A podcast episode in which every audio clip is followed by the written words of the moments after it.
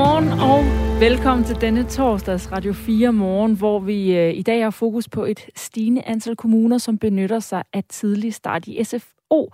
For i øh, den forbindelse, der skal børne- og undervisningsminister Pernille rosenkrantz teil i dag i åben samråd. Og flere støttepartierne, de kræver, at minimumsnummeringerne skal gælde helt frem til skolestart. Vi skal tale med børne- og undervisningsordfører for Enhedslisten klokken 20 minutter over 6. I dag skal den nye skatteminister Jeppe Brugs i samråd om den skatterabat, man kan få, hvis man køber en plug-in hybridbil. De her biler, der kan køre både på elektricitet og benzin, udleder nemlig i gennemsnit dobbelt så meget CO2, som de må, hvis de skal betragtes som grønne. Og de giver altså skatterabat alligevel. Fordi de i sin tid fik det stempel som grønne i en aftale, som regeringen og støttepartier lavede i december 2020. Den vil støttepartierne gerne have genåbnet, og vi skal faktisk også i den sammenhæng prøve at uh, høre, hvad enhedslisten har at uh, sige til det. Han hedder Henning Hyllested og er transportordfører der. Det der er ved de der hybrid plug-in biler, det er jo, at man kan købe den, og så kan man jo nøjes med bare at køre på benzin. Ja, så det er sådan set det, en benzinbil. Ja, lige præcis. Vi skal også øh, kigge på øh, en uge, endnu en uge i vinter i Kina, hvor altså der allerede er eksempler på, hvordan kineserne udnytter den her verdensomspændende sportslige platform til det, der hedder sportswashing. Det er et begreb, der bruges, når nationer bruger store sportsbegivenheder til at kamuflere deres brud på konventioner og menneskerettigheder. Og vi ser nærmere på de konkrete eksempler i Kina med en idrætsanalytiker ved Play the Game. Han hedder Stanis Elsborg, og det gør vi kvart i syv. Det er sådan en dag med plusgrader, og som du hørte i radioavisen, eller nej, det hedder det jo faktisk ikke hos os. Vi kalder det bare nyhederne på Radio 4. Som du hørte i vejrudsigten hos øh, Anne-Sophie Felt, så kommer der det, der så utrolig akademisk hedder nogen sol. Jeg synes, det er mærkeligt at sige nogen sol. Altså, man kan sige nogen sole, hvis der er flere, men det er der jo ikke. Der er kun én. No. Og det, der ligger i nogen sol, jeg har lige været inde og google det, det betyder, at øh, nogle gange kan du se den lidt. Nogle gange kan du se den nogenlunde. Det er et sted mellem 3 8. del og 5 8. del af himlen. Okay. Så er i stedet for at sige, du kan få 3 8. del sol i dag, ja. så har man besluttet at sige nogen. Don't get your hopes too high, buddy. Nogen sol. Du, der kommer i hvert fald lys på et eller andet tidspunkt i løbet af den her torsdag. Det er den 10. februar. Godmorgen og velkommen til, siger Astrid Data og Kasper Arbo. Godmorgen.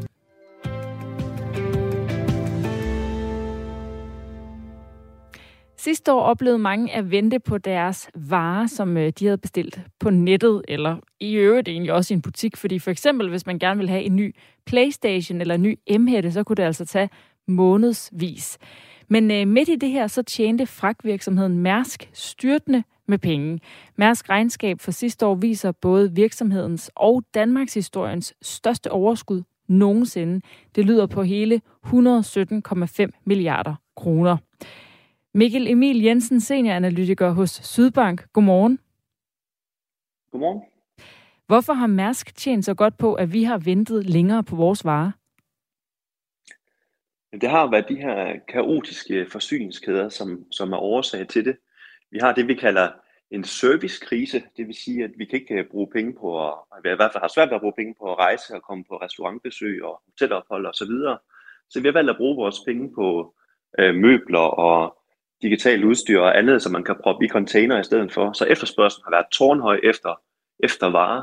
Men på grund af, øh, hvad hedder det, øhm, øh, covid-19 og, og, og store udfordringer generelt på, på, på, i forsyningskæden, øh, så har der simpelthen ikke været, øh, været skibe nok, øh, været fly nok, eller øh, hænder nok til at håndtere den her mængde varer. Og, og det har altså betydet, at der simpelthen er kamp om pladserne på skibene, og det har presset priserne kraftigt i vejret. Så vi har stadigvæk rekordhøje fragtrater, og det er det, som faktisk stort set alene er årsag til det her øh, fantastiske resultat, som Mærsk leverede i går. I stedet for oplevelser, der er altså mange af os, der har brugt penge på at webshoppe i stedet for. Og det er altså især de højere fragtrater sidste år, der giver det rekordstore overskud hos, Mærkt, hos Mærsk. Og fragtraterne, det er dem, der fortæller, hvor mange penge Mærsk får for, for at sejle container for sine kunder. Det vil altså sige, jo højere fragtraterne er, jo mere bliver Mærsk betalt. Så når man bestiller noget på nettet, så er det ikke fordi prisen, du skal betale for fragt, er blevet meget større. Så hvordan kan forbrugerne mærke, at Mærsk og andre rædderier har kunne tage højere priser på at fragte varer? Altså hvor er den regning endt henne? der er meget snak om i øjeblikket, at inflationen, altså prisen på varer, den er, den er steget meget på, på det seneste. Det skyldes blandt andet, at øh, der er højere energi, energipriser og højere råvarepriser osv. Det er dyrere at producere varerne. Men det betyder altså også, som du nævner, at fragtraterne jo er, er steget så meget, som, som de er. Og det, øh, det mærker man jo i form af, at virksomhederne sætter den regning videre til kunderne i form af højere priser på, på varerne. Øh, så, så det har haft en effekt, at der er nogle steder, øh, jamen der er, der er fragtudgifterne jo sten øh, gange 10 øh, for, for nogle virksomheder, og, og det har en stor betydning for, for, for de varer, som de producerer, at de bliver nødt til at sende den regning videre øh, til kunderne. Og som øh, senioranalytiker hos Sydbank, er du så mest på, på Mærsk eller forbrugernes side? Altså, øh, hvem er det, der vinder af det her? Altså, at der kommer flere penge til Mærsk, som jo er et dansk firma, men hvis det er også forbrugere, der skal betale for, øh, for dyre varer? Ja, jeg er ikke sådan på nogens øh, side, kan man sige. Øh, nu øh, analytikere og kigger på det her, så er det jo selvfølgelig ekstremt spændende og, og, og på mange måder meget fascinerende, når man kigger på Mærsk og det, som de leverer fra 2021. Øh, det bliver kun endnu mere imponerende, når man kigger, hvordan Mærsk har udviklet sig hen over det seneste par år. Når vi kigger i 2019, der tjente Mærsk ikke nogen penge. De havde et, øh, et, et resultat på bundlinjen på 0 kroner. Så på, på øh, et par år, så er det gået fra ingenting øh, til over 100 milliarder kroner. Og det er jo selvfølgelig fascinerende, og selvfølgelig også en stor øh, fordel for, for, for aktionærerne, som jo har, har tjent rigtig meget på, på, øh, på de kursstigninger, der har været, og, og det store udbytte, som de også betaler som følge, som følge af det her. Øh, når jeg så tager, man kan sige, min private kasket på, så er det selvfølgelig også uh, træls, at man siger, at priserne stiger. Øh, det tror jeg, der mange kan, kan, kan tilskrive sig, at det er noget, man, men, øh, men øh, helst gerne så, at, det var, at, vi, at vi var for uden de her prisstigninger. Øh, men man må så heller ikke give Mærsk og transportindustrien hele skylden. Der er altså også andre årsager til, at vi har set den her inflation. Øh, så man må ikke give dem øh, skylden for, for, for det hele. De gør i øvrigt også, hvad de kan for at få varerne frem. Alle skibe, der kan sejle, alt hvad man har i flydende, det har man været smidt ud på havet for at, og ligesom at få flere, mere kapacitet ind på markedet. Men det er altså ikke lykkedes desværre at, at få, øh, få sendt øh, leveringspålideligheden op. Den er stadigvæk rekordlav i øjeblikket, men de gør altså, hvad de kan derude for at få varerne frem. Hvad så, hvis vi kigger lidt frem, fordi øh, det her, de her flotte regnskaber fra Mærsk kommer jo oven i, at der jo har været en kæmpe pandemi, og nu ser vi ind i, at Danmark så småt jo, eller jo er jo åbnet og begynder at blive et helt åbent samfund igen, og vi måske kommer til at bruge flere penge på at gå ud, end vi gør på at købe ting. Hvordan kommer det til at påvirke for eksempel prisen på vores varer? Det kommer jo til at falde. Nu har vi ekstraordinære markedsomstændigheder i øjeblikket, hvor det er rigtig svært at tilpasse kapaciteten, altså at have skibene på rette sted på rette tidspunkt i de rette mængder. Det er det, som er udfordringen. Og samtidig, som du nævner, så er efterspørgselen stadigvæk høj, fordi det stadigvæk er udfordrende for os at bruge penge på det, vi kalder serviceprodukter. Men når vi igen kan det, og det kan vi jo, som du, som du nævner, øh, stille og roligt igen, vi begynder langsomt ligesom at forvente, at der kommer det, vi kalder en normalisering, det vil sige, at tingene ligesom kommer mere i balance jamen så vil fragtraterne øh, falde, og de kan potentielt faktisk falde ret kraftigt, når vi begynder at få en bedre balance. Men det samme, at virksomhederne ikke har den der kamp om at få plads på skibene, jamen så er det klart, så vil, så, så vil fragtraterne falde. Hvornår det sker, det er lidt svært at time, men Mærsk siger selv her også i regnskabet, at de regner med, at det begynder her i andet halvår af 2022, og så vil fragtraterne begynde at falde, priserne på transport begynder at falde, og det kan måske også lige tage toppen af, af inflationen, altså tage toppen af de her prisstigninger, som vi nævnte. Øh, selvom at der jo stadigvæk er stigende råvarepriser og, og stigende energipriser. Men, øh, men det kan lige tage, tage toppen af, af, af inflationen. Men, men at fjerne prisstigningerne helt, det må man altså ikke, øh, ikke forvente. Så hvad kan Mærsk forvente sig af regnskabet til næste år? Jamen, de forventer faktisk et resultat, som øh, imponerende nok er lige så stærkt som i 2021. Det skyldes altså, at de regner med, at i første halvår af 2022, altså her i øh, første kvartal og andet kvartal, der vil indtjeningen være, være tårnhøj. Øh, men derefter, som jeg nævnte, så begynder de så at forvente, at, at øh, indtjeningen så begynder at falde som følge af, af faldende fragtarter og en normalisering af transportmarkedet. Så, så vi får så et halvt år endnu, hvor, hvor tingene ser ud lidt, lidt, lidt ligesom vi har i øjeblikket. Men, men derefter så begynder tingene altså at normalisere sig og blive ja, bedre, kan man sige, for økonomien og for, for virksomhederne i forhold til fragtpriserne, bedre for forbrugerne, men Mærsk kommer altså til at mærke det på indtjening i form af faldende øh, fragtrater. Mikkel Emil Jensen, senioranalytiker hos Sydbank. Tak fordi du vil være med. Det var så lidt. Klokken er kvart over seks. Portrætalbum på Radio 4. Mange af os har et album, der betyder noget helt særligt. Hver fredag taler vært Anders Bøtter med en gæst, der har et musikalbum med. Gennem musikken, der kommer vi tæt på gæsten. Lyt til Portrætalbum fredag fra 17 til 19, eller som podcast, når det passer dig. Jeg glæder mig til at dykke ned i musikken sammen med dig, og lære mine gæster bedre at kende. Radio 4 taler med Danmark. I går fik vi i det her radioprogram en mail fra vores lytter Jon, der er meget øh, sådan, øh, aktiv i forhold til coronatallene og hvorvidt vaccinerne har en virkning i den ene eller den anden retning. I den seneste tid har det været ret markant, at der er en øh, overrepræsentation af vaccinerede blandt dem, der tester positiv for coronavirus. Det er sådan cirka, altså hvis vi siger, at der er syv uvaccinerede, så er der otte fuldt vaccinerede blandt dem, der ligesom falder i, og det er så målt per tusind, sådan rundt regnet. Øhm, men altså ikke desto mindre en overrepræsentation på cirka, hvad bliver det så, 14-15 procent. Jeg fik en henvendelse fra et menneske, der havde lyttet med, vil gerne være anonym, men sagde, kunne det være, at de øhm, vaccinerede bliver testet mere? Og det er totalt uforløst, det der sker nu, fordi jeg ikke kunne finde de helt aktuelle tal. De fremgår af nogle rapporter, der kommer fra Statens Serum Institut, det der hedder vaccinationsstatus på de testede. Er det meget kryptisk, det jeg fortæller nu? Eller er det okay? Altså det du, det du vil finde ud af, det er, om, om, øh, om dem, der ikke er blevet vaccineret, bliver testet mere, og derfor slår altså ud på en anden måde i statistikkerne. Ja, eller i virkeligheden omvendt, fordi det der så kunne være muligheden for, at de vaccinerede bonger mere ud end de uvaccinerede, altså der er jo flere faktorer. Enten at de har bedre antistoffer, dem der ikke er vaccineret, måske fordi de har haft corona for real, men det kunne jo også være, at der var en overrepræsentation blandt dem, der tager testen af folk, som... Øh, ikke er vaccineret. Nej, som er vaccineret. Som er vaccineret? Ja, og det er der. Okay, altså så der er flere vaccinerede, der bliver testet? Ja, men problemet er, at de er ikke dugfriske, de tal her, for det bliver opgjort på månedsbasis. Men den seneste bunke, der blev gjort op af mennesker, altså hvor mange gange de var blevet testet inden for en måned, der kunne man se, at der var faktisk en lille overrepræsentation svarende til cirka en syvende del af brugere, der var vaccineret, i forhold til dem, der ikke var vaccineret, som havde taget en test i løbet af en måned. Er det, og nu bliver det virkelig kompliceret, der kan man ikke se, hvor mange tests de har taget, fordi jo flere tests du tager, desto mere sandsynligt er det jo, at du bonger ud. Og de uvaccinerede stod jo i den situation, at de skulle bruge et coronapas øh, for at kunne gå på arbejde, nogle af dem faktisk. Så de var jo nødt til at lade sig teste, måske oftere, Ingen ved det rigtigt. Jeg glæder mig sindssygt meget til, vi får de friske tal, for at se, hvor mange lader sig teste, efter at coronapasset er faldet bort. For det er faktisk først der, man så vil kunne se, om de vaccinerede rent faktisk bliver smittet nemmere end de uvaccinerede. Det var det, der var helt præmissen for den lange snak, vi havde i går med Jon. Det var ikke en rigtig snak, for det var en sms, han havde sendt. Så det her det er bare for at sige, det holder din øh, tal fokuseret øh, vende øje med og prøver at skaffe, kære Jon. Du kan altid skrive til os på sms'en 1424, start din besked med R4 og et mellemrum.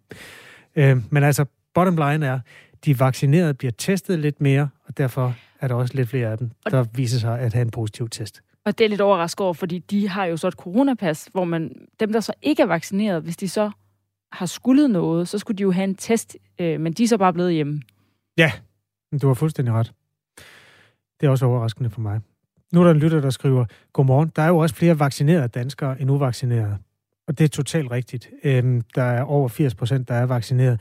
Men det tager man højde for, når man laver det, der hedder et incidenstal. Så dividerer man med det antal individer, der er, sådan at de to grupper kan sammenlignes. Øhm, så det er altså ikke det, der er forklaringen.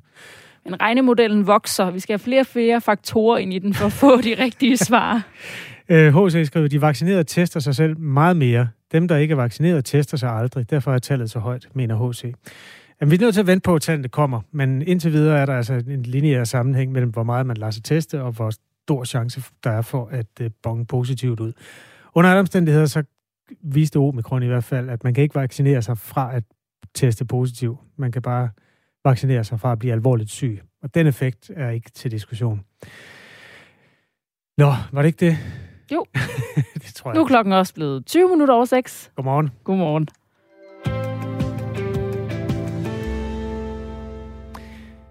Her til formiddag skal børne- og undervisningsminister Pernille rosenkrantz teil i åbent samråd i forbindelse med, at flere og flere kommuner benytter sig af tidlig start i SFO. Ud af 74 kommuner, det vil sige 3 ud af 4 af de danske kommuner, der øh, sender 2 ud af 3, altså 2 ud af 3 ud af 3 ud af 4, sender børnehavebørnene i SFO allerede i foråret. Det er for at give dem en indflyvning til det skoleliv, der skal begynde til august. Det er en ny kortlægning på det her område, der er foretaget af analysebyrået Index 100 for fagforeningen BUPL. Det er en spareøvelse fra kommunens side, mener i hvert fald pædagogernes fagforbund. Det siger Lars Søgaard Jensen, der er medlem af forretningsudfaldet der. Det vi kan se, det er jo, at der er flere og flere børn, der starter øh, deres skoleliv i det tidlige forår. Øhm, og at øh, problemet i det, det er, at øh, pengene ikke følger med. Øh, nummeringen og pædagogerne ikke følger med. Øh, det er øh, blevet til en ren og skær spareøvelse. Det mener i hvert fald øh, altså BUPL's forretningsudvalgsmedlem Lars Søgaard Jensen. Det her, det skal vi lige belyse politisk. Jakob Sølhøj er børne- og undervisningsordfører hos Enhedslisten. Godmorgen. Godmorgen. I kræver, at minimumsnormerende normeringerne skal gælde frem til skolen begynder. Hvad er det, der er på spil i det for jer? Jamen, jeg er jo enig med Lars Søgaard fra, fra BUPL i, at der er tale om en spareøvelse. Øh, det vi jo øh, har aftalt øh, enhedslisten, SF-regeringen, det er, at vi skal have en, en minimumsnormering i daginstitutionerne, der gælder fra, fra børnene af 0 til de er 6, Øh, hvor der skal være, øh, når loven træder ind i kraft i 2004, øh, så skal der være højst tre, tre børn, øh, seks børn per voksen i, i, i børnehaverne. Og når kommunerne så gør det, at de siger, at nu øh, går man ikke længere i børnehave øh, frem til man skal i skole, øh, nu, øh, nu skifter man over til SFO'en øh, 1. maj, 1. april, 1. marts, og, og der er jo en tendens til, at det bliver tidligere og tidligere.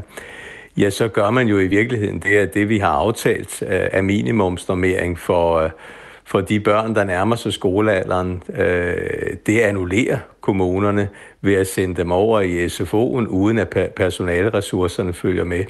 Og derfor siger vi, øh, vi bør udstrække minimumsnormeringerne til ikke bare at gælde øh, nede i vugstuen og i, og i børnehaven, men, men at de skal følge med, når, når barnet øh, rykker, rykker tidligt over i, i skolefritidsordningen.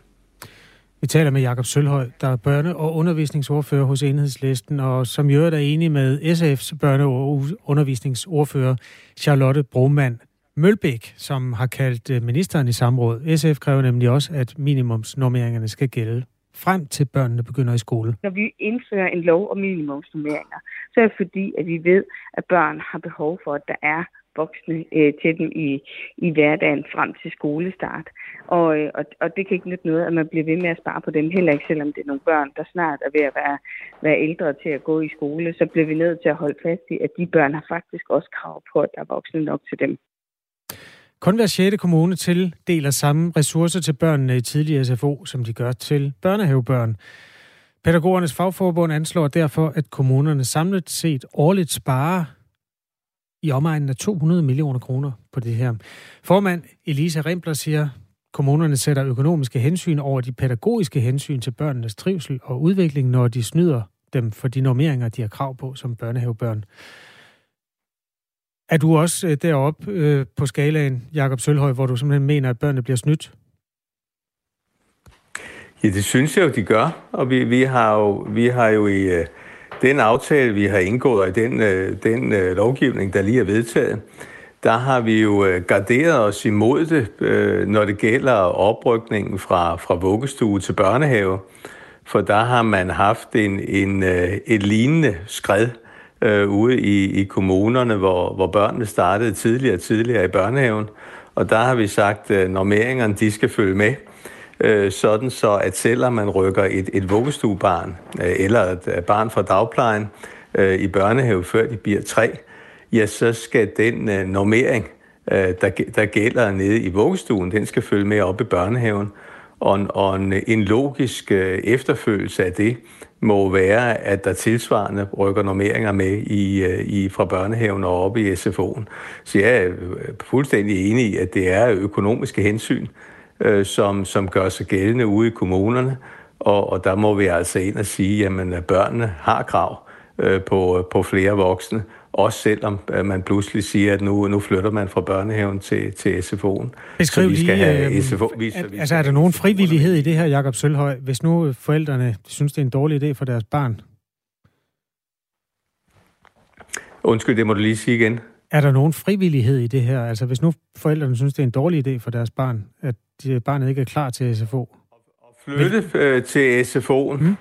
Altså, jeg vil sige, at jeg har det sådan, at jeg synes i grunden, at øh, det er godt, at børnene går i børnehave så længe som muligt. Øh, jeg tror, de har godt af børnehavens fællesskab, og det haster ikke øh, for de allermindste med at komme i skole. Men hvis man så træffer beslutningen ude i kommunerne om, at, øh, at, at, at de store børnehavebørn skal tidligere i SFO, så må man i hvert fald sørge for, at det ikke er på bekostning af den pædagogiske kvalitet. Og det kræver jo, at, at der følger personaletimer med, med børnene. Så, så man kan diskutere, øh, og det er der mange forskellige synspunkter på, hvor, hvor øh, om, om det nu er pædagogisk godt. Øh, jeg tror, at det kan fungere udmærket med, med en tidligere opflytning, hvis der vel at mærke er øh, den, det tilstrækkelige personale til at løse opgaven. Og det er der ikke, når man ikke lader normeringen følge med. Det kan jo ende med at blive ret dyrt for kommunerne at holde børnene i børnehaven, hvis I nu anslår, at øh, man sparer 200 millioner kroner på det her. Det er jo ikke, fordi kommunerne er sådan en guldrendet overskudsforretning. Så de penge skal jo findes et andet sted. Vil enhedslisten tilføre penge til kommunerne, så den opgave kan blive løst? Ja, vi har jo rejst øh, fra enhedslistens side krav om, at, øh, at skolefritidsordningerne i det hele taget øh, skal være omfattet af, af minimumsnormeringer fordi vi synes, at det pædagogiske arbejde, der foregår i fritidsinstitutionerne, er så vigtigt, at der der, ligesom, øh, ligesom i daginstitutionerne, skal være et loft over, hvor mange børn, der må være per, per voksen. Og vi har afsat nogle øh, midler til det, i, øh, til at starte på den opgave i den finanslov, vi, vi aftalte her i december. Og øh, jeg synes, at den skal vi så udbygge øh, yderligere i, i øh, kommende finanslov, sådan så vi over nogle år øh, kan indfase en minimumsnormering i, øh, i hele, hele SFO'en. Det er sådan den metode, vi har valgt, øh, vi har valgt øh, på daginstitutionsområdet, at vi indfaser det over nogle år. Og jeg synes, det kunne være rigtig fornuftigt, at vi aftalte det samme på, på SFO'en, sådan at, at når vi kigger nogle år frem, så ikke bare øh, det, der kaldes forårs SFO'en, men hele SFO'en er omfattet af minimum, minimumsnormeringer. Vi skal lige sige, at vi selvfølgelig gerne vil have lavet det her til en debat mellem børne- og undervisningsminister Pernille rosenkrantz teil og dig, Jacob Sølhøj fra Enhedslisten. Men øh, ministeren har ikke øh, kunnet stille op til interview. Vi har også øh, ragt ud til Socialdemokratiets ordfører på området, som hedder Jens Jol, som er til øh, stille op, men han har altså ikke svaret på vores henvendelse. Senere på morgen skal vi tale med en af de forældre, som har øh, sendt børn, faktisk begge sine børn, i forårs SFO. Og hun har faktisk ikke været tilfreds med det. Kan man ikke godt øh, forestille sig andre forældre, altså, hvor det egentlig er en god løsning for børnene? Jakob Sølhøj. Jamen, jamen, jeg vil ikke udelukke, at det kan være en god løsning. Altså, det, det er jo i hvert fald et, et udbredt synspunkt, at det kan være godt for, for de mindste børn, at de, øh, at de møder skolen, så at sige, i to trin. Øh, at de, at de starter i SFO'en nogle måneder før de starter i, i børnehaveklassen. Og det vil jeg ikke udelukke kan være en fornuftig ordning, selvom jeg også sagtens kan se øh, det fornuftige i, at, at børnehaverne løber helt frem, børnehavetiden løber helt frem til skolen. Øh, vores synspunkt er bare det, at hvis man vælger den løsning, hvis man synes, at, at det er en pædagogisk fordel øh, for børnene, at man starter tidligere i skolen, så er det det kun, hvis personalnormeringen følger med. Hvis det er sådan, at man kommer fra en, fra en børnehave, hvor vi er indf- ved at indføre en normering, der hedder maks 6 øh, børn til en voksen. Mm, okay. At man så pludselig fra den ene dag skifter til en SFO, hvor der jo typisk kan være 20-25 børn øh, per voksen, så, så synes jeg, så er det ret indlysende, at så er der ingen pædagogisk fordel i at flytte tidligere fra børnehaven til SFO'en. Så skal man vælge den løsning, så skal forholdene også være i orden der, hvor børnene kommer over. Sagde Jakob Sølhøj fra Enhedslisten, hvor han er børne- og undervisningsordfører. Tak fordi du var med. Velkommen. Du lytter til Radio 4. Klokken er halv syv. Der er nyheder med Anne-Sophie Felt.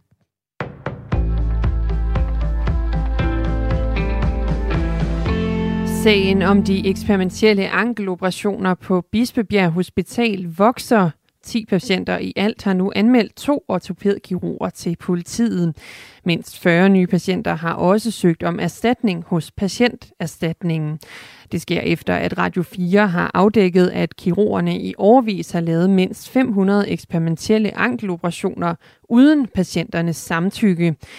Politianmeldelserne er rettet mod de to kirurger, der udførte operationerne fra 2010 til 2018. Ingen af dem arbejder længere på Bispebjerg og Frederiksberg Hospital. Afdækningen har også fået Styrelsen for Patientsikkerhed til at kræve en redegørelse fra Bispebjerg og Frederiksberg Hospital i en mail til Radio 4, der forklarer styrelsen. Styrelsen for Patientsikkerhed blev i forbindelse med medieomtalen bekendt med sagen og vurderede, at der var behov for at få sagen oplyst for at belyse, om der fremadrettet er problemer af betydning for patientsikkerheden, skriver styrelsen. Radio 4 har kontaktet flere politikere i Region Hovedstadens Sundhedsudvalg for at få deres reaktion på udviklingen, men de afviser alle at kommentere og henviser til koncerndirektør Dorte Kryger, som indtil videre ikke er vendt tilbage på vores henvendelser. Forældre kan have svært ved at få deres børn passet på grund af coronasmitte i daginstitutioner, og i dag der vil et flertal i Folketinget så forsøge at tvinge regeringen til at finde løsninger. Flertallet vil have regeringen til at indkalde til trepartsforhandlinger, det siger børne- og undervisningsordfører i Radikale Venstre, Lotte Rod.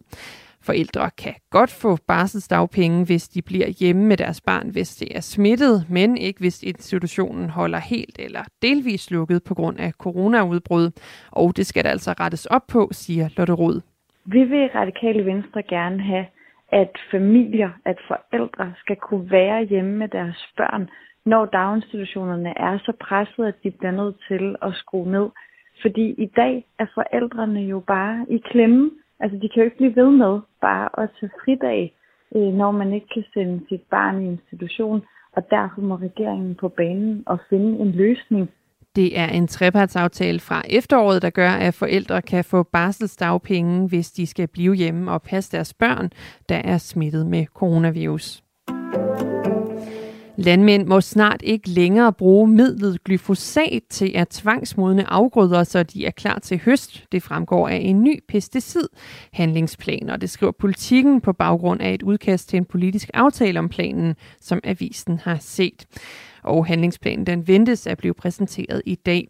Glyfosat er et aktivt stof i Roundup, som er verdens mest brugte sprøjtemiddel. Det frygtes, at stoffet er kraftfremkaldende. Pesticidhandlingsplanen har ifølge avisen opbakning fra et flertal i Folketinget, og den skal løbe fra perioden 2022 til 2026. De danske curlingkvinder er kommet godt fra start ved vinter-OL. Natten til i dag, der slog de værtsnationen Kina med cifrene 7-6. Og det var kvindernes første kamp. Curlingkvindernes næste kamp er allerede senere i dag, og her møder de USA. Vi får lidt eller nogen sol, der kan dog også komme byer, der kan være med slud. Mod øst så bliver det først på dagen skyet, men mest tørt vejr, og så får vi temperatur mellem 3 og 6 graders varme og svag til frisk vind fra vest og sydvest. Det var nyhederne her på Radio 4 i studiet Anne Felt, og nu er der mere Radio 4 morgen med Astrid Date og Kasper Harbo.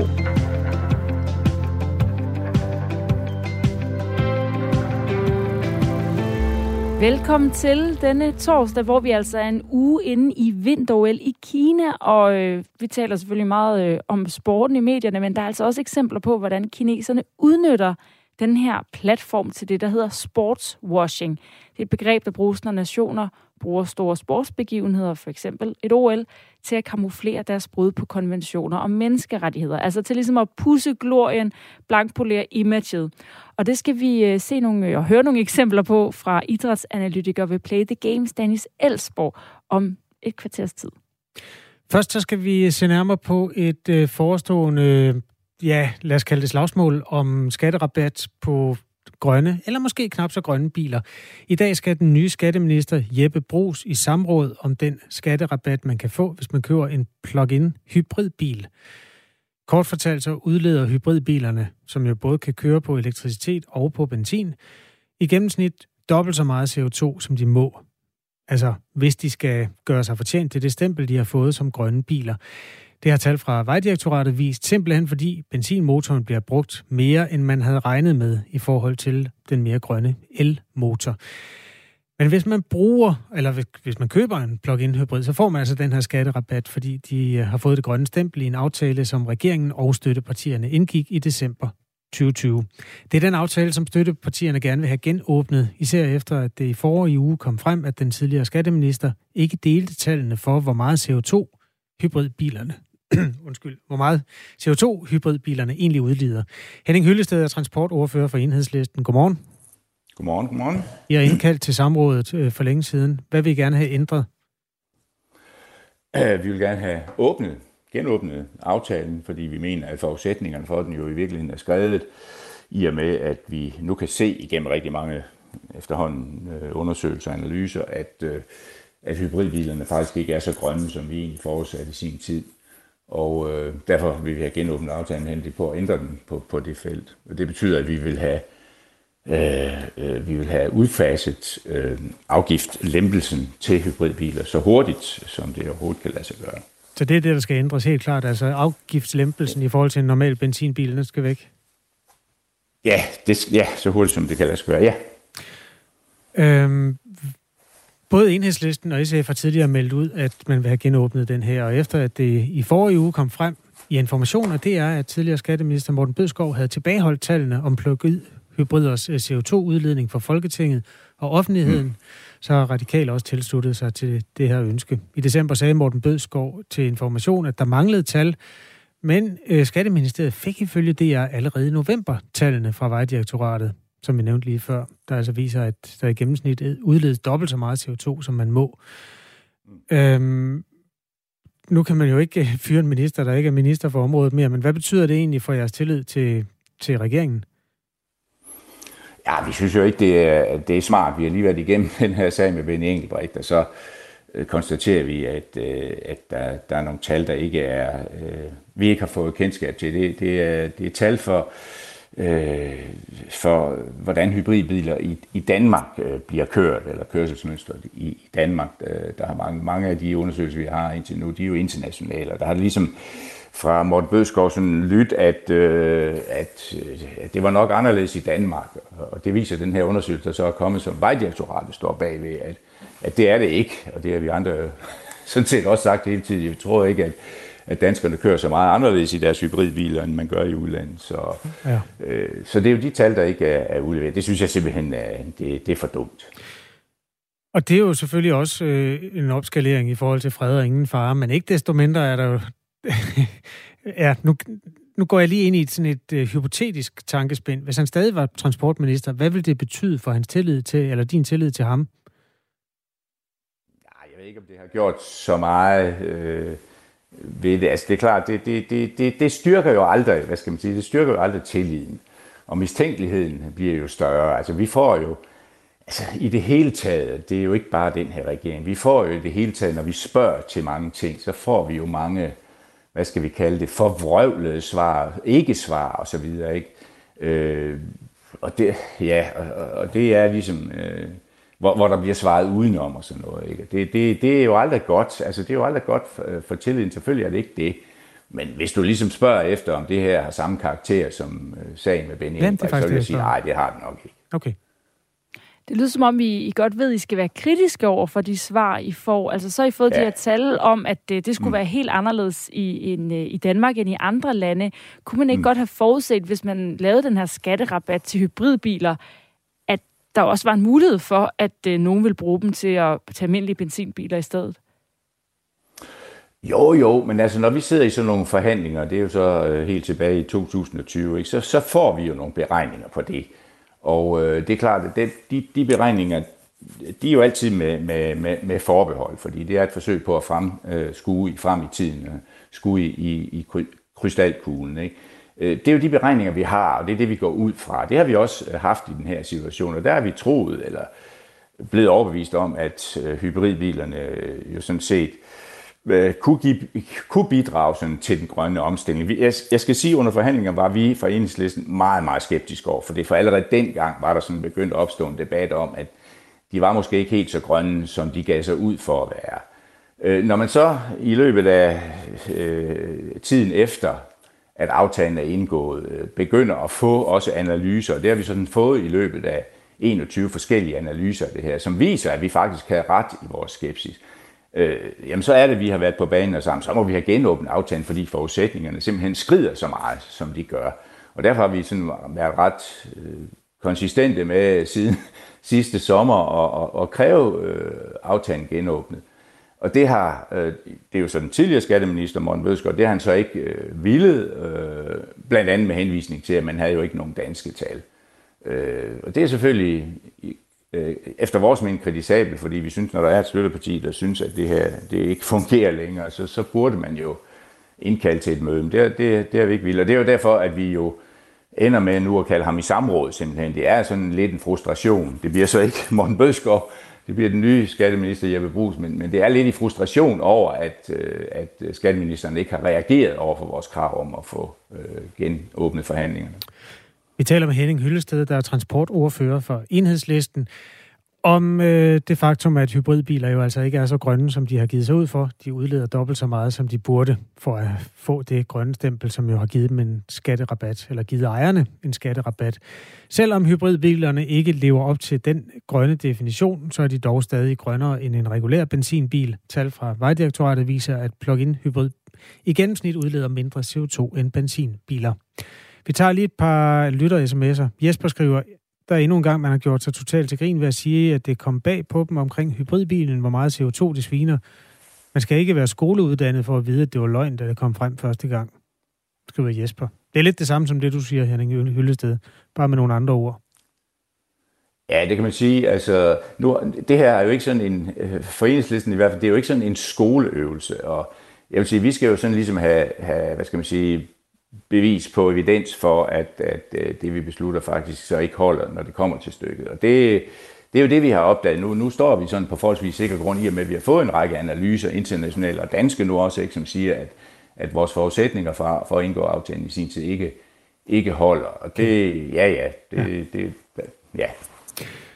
Jens Bernburg har også skrevet til os, så med lidt hurtig hovedregning, så får plug-in-ejerne først en lækker bil med stor rabat på nyprisen, og derefter en stor sikring af brugtværdien, fordi de bliver dyrere at købe. Så er man jo dobbelt så heldig øh, i det regnestykke, som Jens påpeger der. Kan du se det, Henning Hyllested? Ja, ja, ja det kan jeg godt se. Jamen, altså, man kan sige, øh, altså, altså, det er altså vi, vi smider jo i øjeblikket rigtig mange milliarder kroner, for, bare for 2021 alene. Ikke? Der har vi smidt over 4 milliarder kroner efter øh, hybridbilerne i, øh, i, øh, i afgiftslettelser. Og det er jo øh, rigtig mange penge, som vi så ikke får nogen, hvad skal man sige, klimagevinst for, eller i hvert fald ikke, øh, man kan sige, vi får i hvert fald ikke fuld valuta øh, for pengene.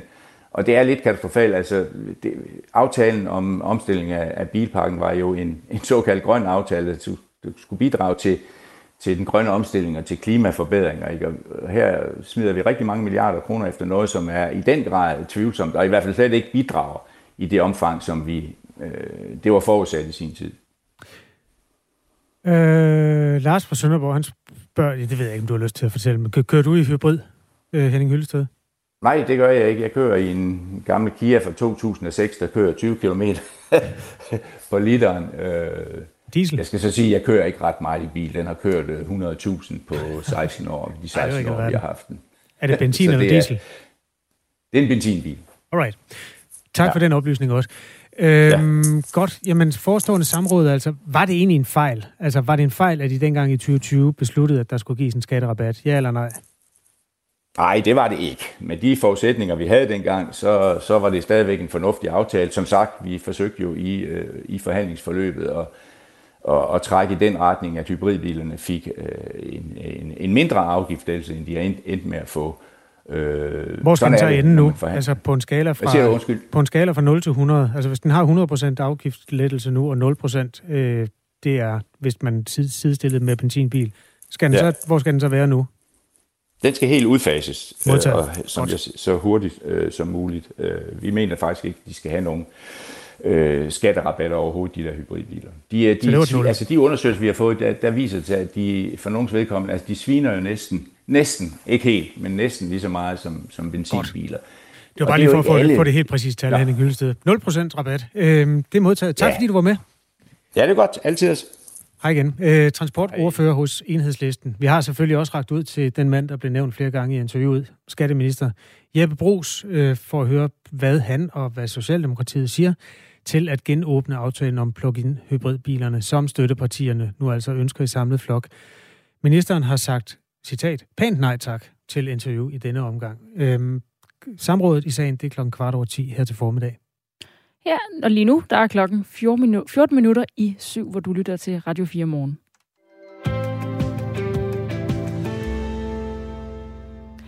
Vi skal tale om sportswashing, der er et begreb, der bruges, når øh, lande bruger store sportsbegivenheder til at kamuflere deres brud på konventioner og menneskerettigheder.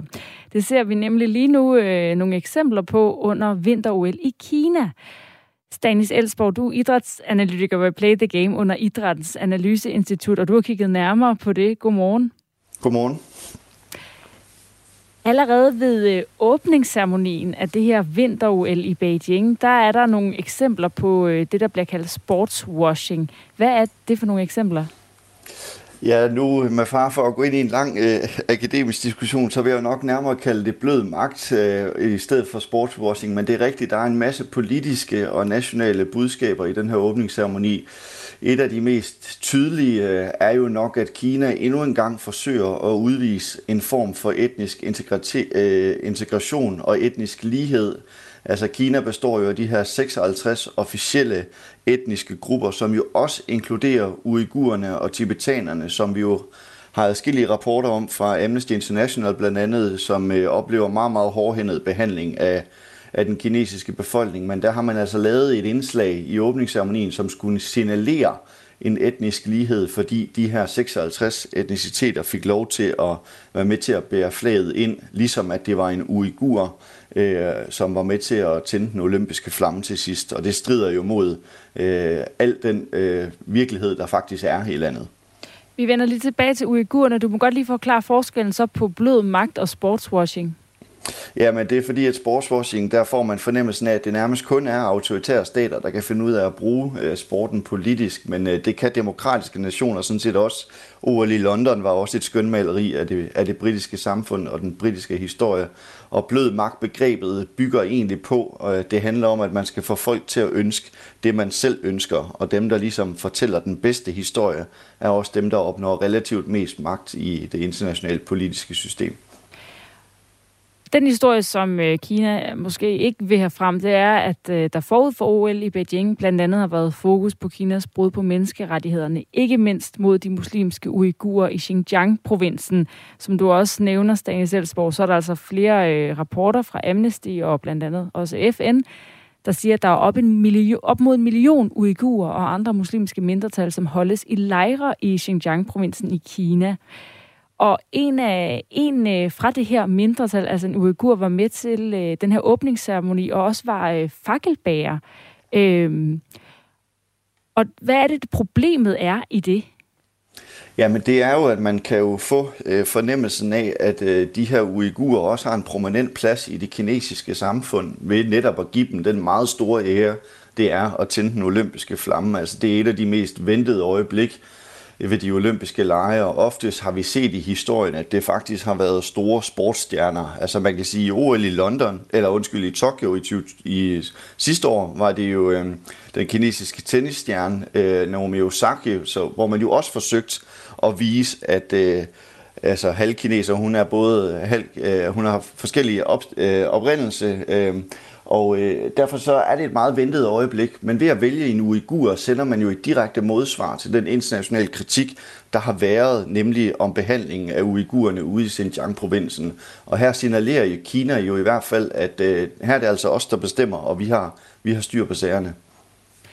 Virker, virker det så, altså den, øh, altså den hvad kan man sige, statuering, altså fra Kinas side, fordi efterfølgende, så skrev øh, for eksempel New York Times og flere andre vestlige medier om det her med, at det var en uigur, der, øh, hvad hedder det, tændte den olympiske ild og kaldte det en provokation. Altså, får det virkelig altså Kinas sådan image omkring for eksempel uigurerne til at forsvinde ved at lave sådan nogle indsatser?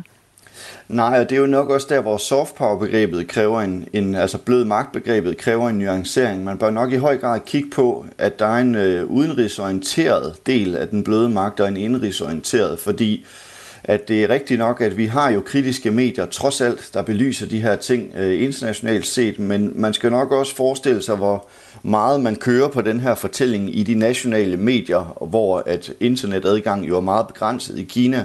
Så den fortælling, de får plastret i hovedet hele tiden, det er jo netop den her fortælling. Lige præcis den fortælling, som Kina ønsker. Så det har nok i højere grad et nationalt sigte om at øh, få opbakning i hjemlandet, end at de tror, man kan overbevise øh, det internationale samfund om, at øh, ja, nu har vi givet en uigur lov til at bære flammen, øh, og så er alt godt. Du har også kigget på, øh, ja, på flere OL, og øh, kineserne har også holdt OL i sommeren 2008. Hvordan har det her øh, begreb blød magt, altså det her med at bruge sådan et OL til at, øh, hvad hedder det, til at pusse ens glorie, hvordan har det udviklet sig siden da?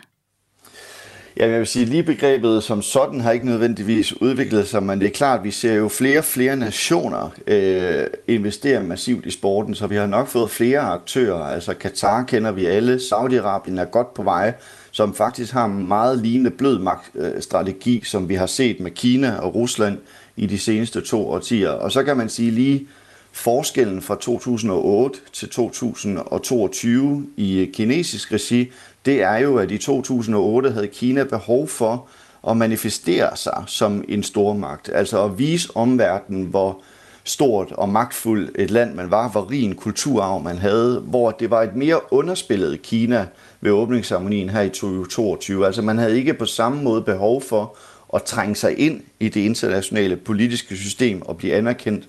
Altså der er man ligesom nu, og man er den store magt, som er den store udfordring for de vestlige magter. Hvordan skal vi som øh, OL-tilskuere afkode, når nationer som Kina bruger en øh, begivenhed som den til at blankpolere deres image? Er det noget, som vi godt kan være opmærksomme på? Ja, det er det, men det kan være meget vanskeligt øh, at afkode, fordi at der kan være simpelthen nationale symbolik, som man ikke fanger lige med det første. Der vil jeg sige, der var det ikke så, så tydeligt her i, øh, i 2022-udgaven, fordi den for det første også var meget kortere, end, øh, 22, altså i, end i 2008, og for det andet slog den ikke på så mange historiske referencer, som ville have været svært for den almene øh, internationale borger at afkode. Men den havde andre politiske budskaber, blandt andet også Kina som sådan en grøn øh, frontløber for at takle klimaforandringerne. Og det er jo selvom intentionen jo kan blive hilst meget velkommen, så er Kina jo også det land, øh, i takt med, at de er blevet stormagt, det land i verden, som nu udleder klart mest CO2. Så på den måde er det også lidt øh, modsætningsfyldt, at man vil fremstille sig som den her, øh, det her land, der skal, der skal løse klimaudfordringerne, og samtidig er man også dem, der har skabt dem når rigtig meget af den her øh, øh, blød magt, som, ja altså, hvad kan man sige, er nogle, øh, nogle symboler på, hvor godt det går i Kina, hvor gode de er for deres, øh, øh, hvad hedder det, muslimske mindretal, hvor gode de er til at være grønne. Hvis, hvis meget af det i virkeligheden også handler rigtig meget om en, en national øh, en national indsats for at vise deres egen befolkning, at Kina er et godt land. Hvad betyder, øh, hvad betyder så det diplomatiske boykot egentlig for den fortælling? Fordi ovenpå øh, de her rapporter om, at øh, for eksempel op mod en million uigurer blev holdt fanget i lejre i Xinjiang-provinsen, der har USA lavet et boykot mod Kina og direkte beskyldt Kina for folkedrab. Og det har altså udløst et diplomatisk boykot, som flere vestlige lande har tilsluttet sig, heriblandt også øh, Danmark, mere eller mindre officielt. Hvordan påvirker det Kinas øh, fortælling, eller den fortælling, de gerne vil fortælle? Ja, altså uden at forklare øh, vores øh, udenrigsministers udmelding, så er det jo ikke sådan, at et diplomatisk boykot nødvendigvis, eller faktisk slet ikke vil få Kina til at ændre deres syn på menneskerettighedssituationen.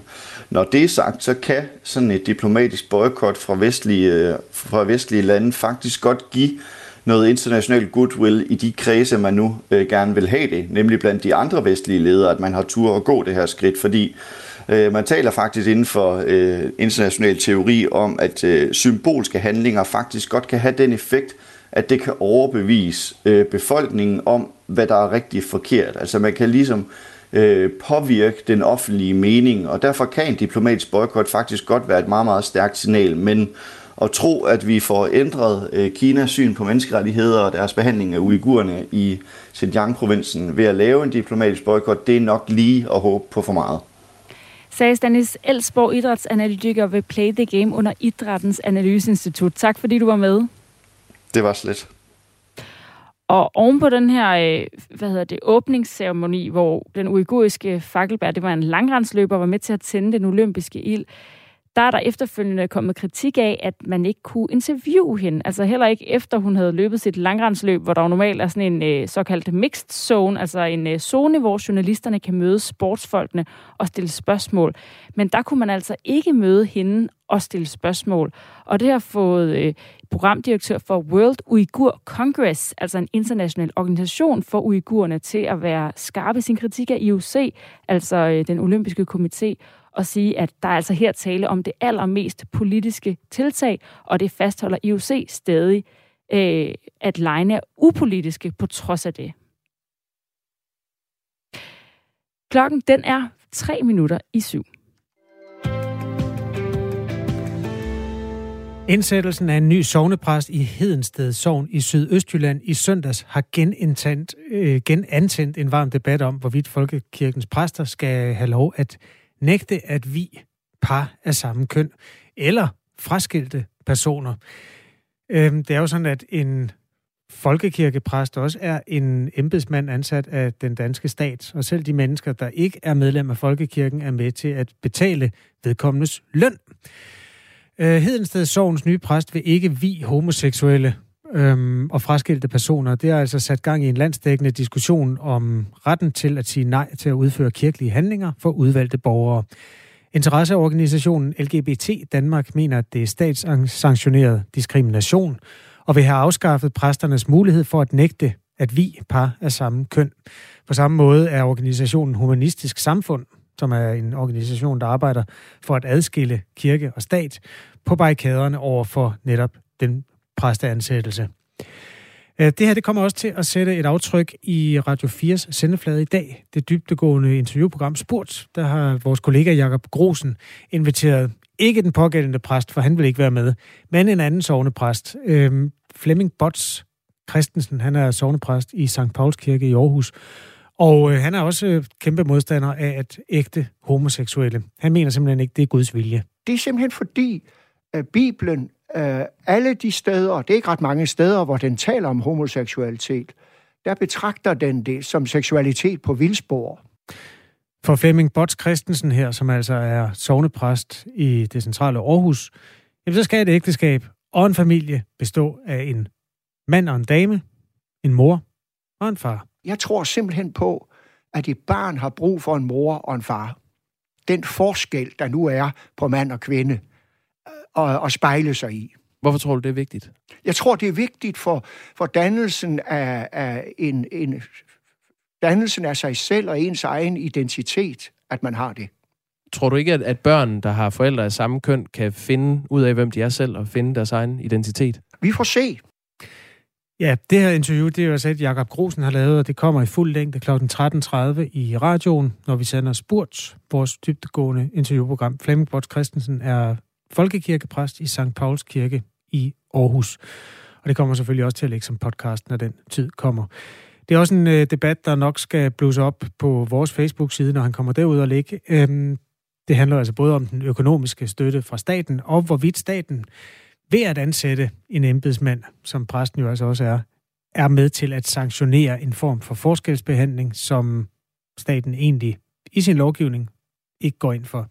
De her dilemmaer, dem vil vi meget gerne have synspunkter også på. Du er velkommen til at skrive til os på 1424. Start din besked med R4 og et mellemrum.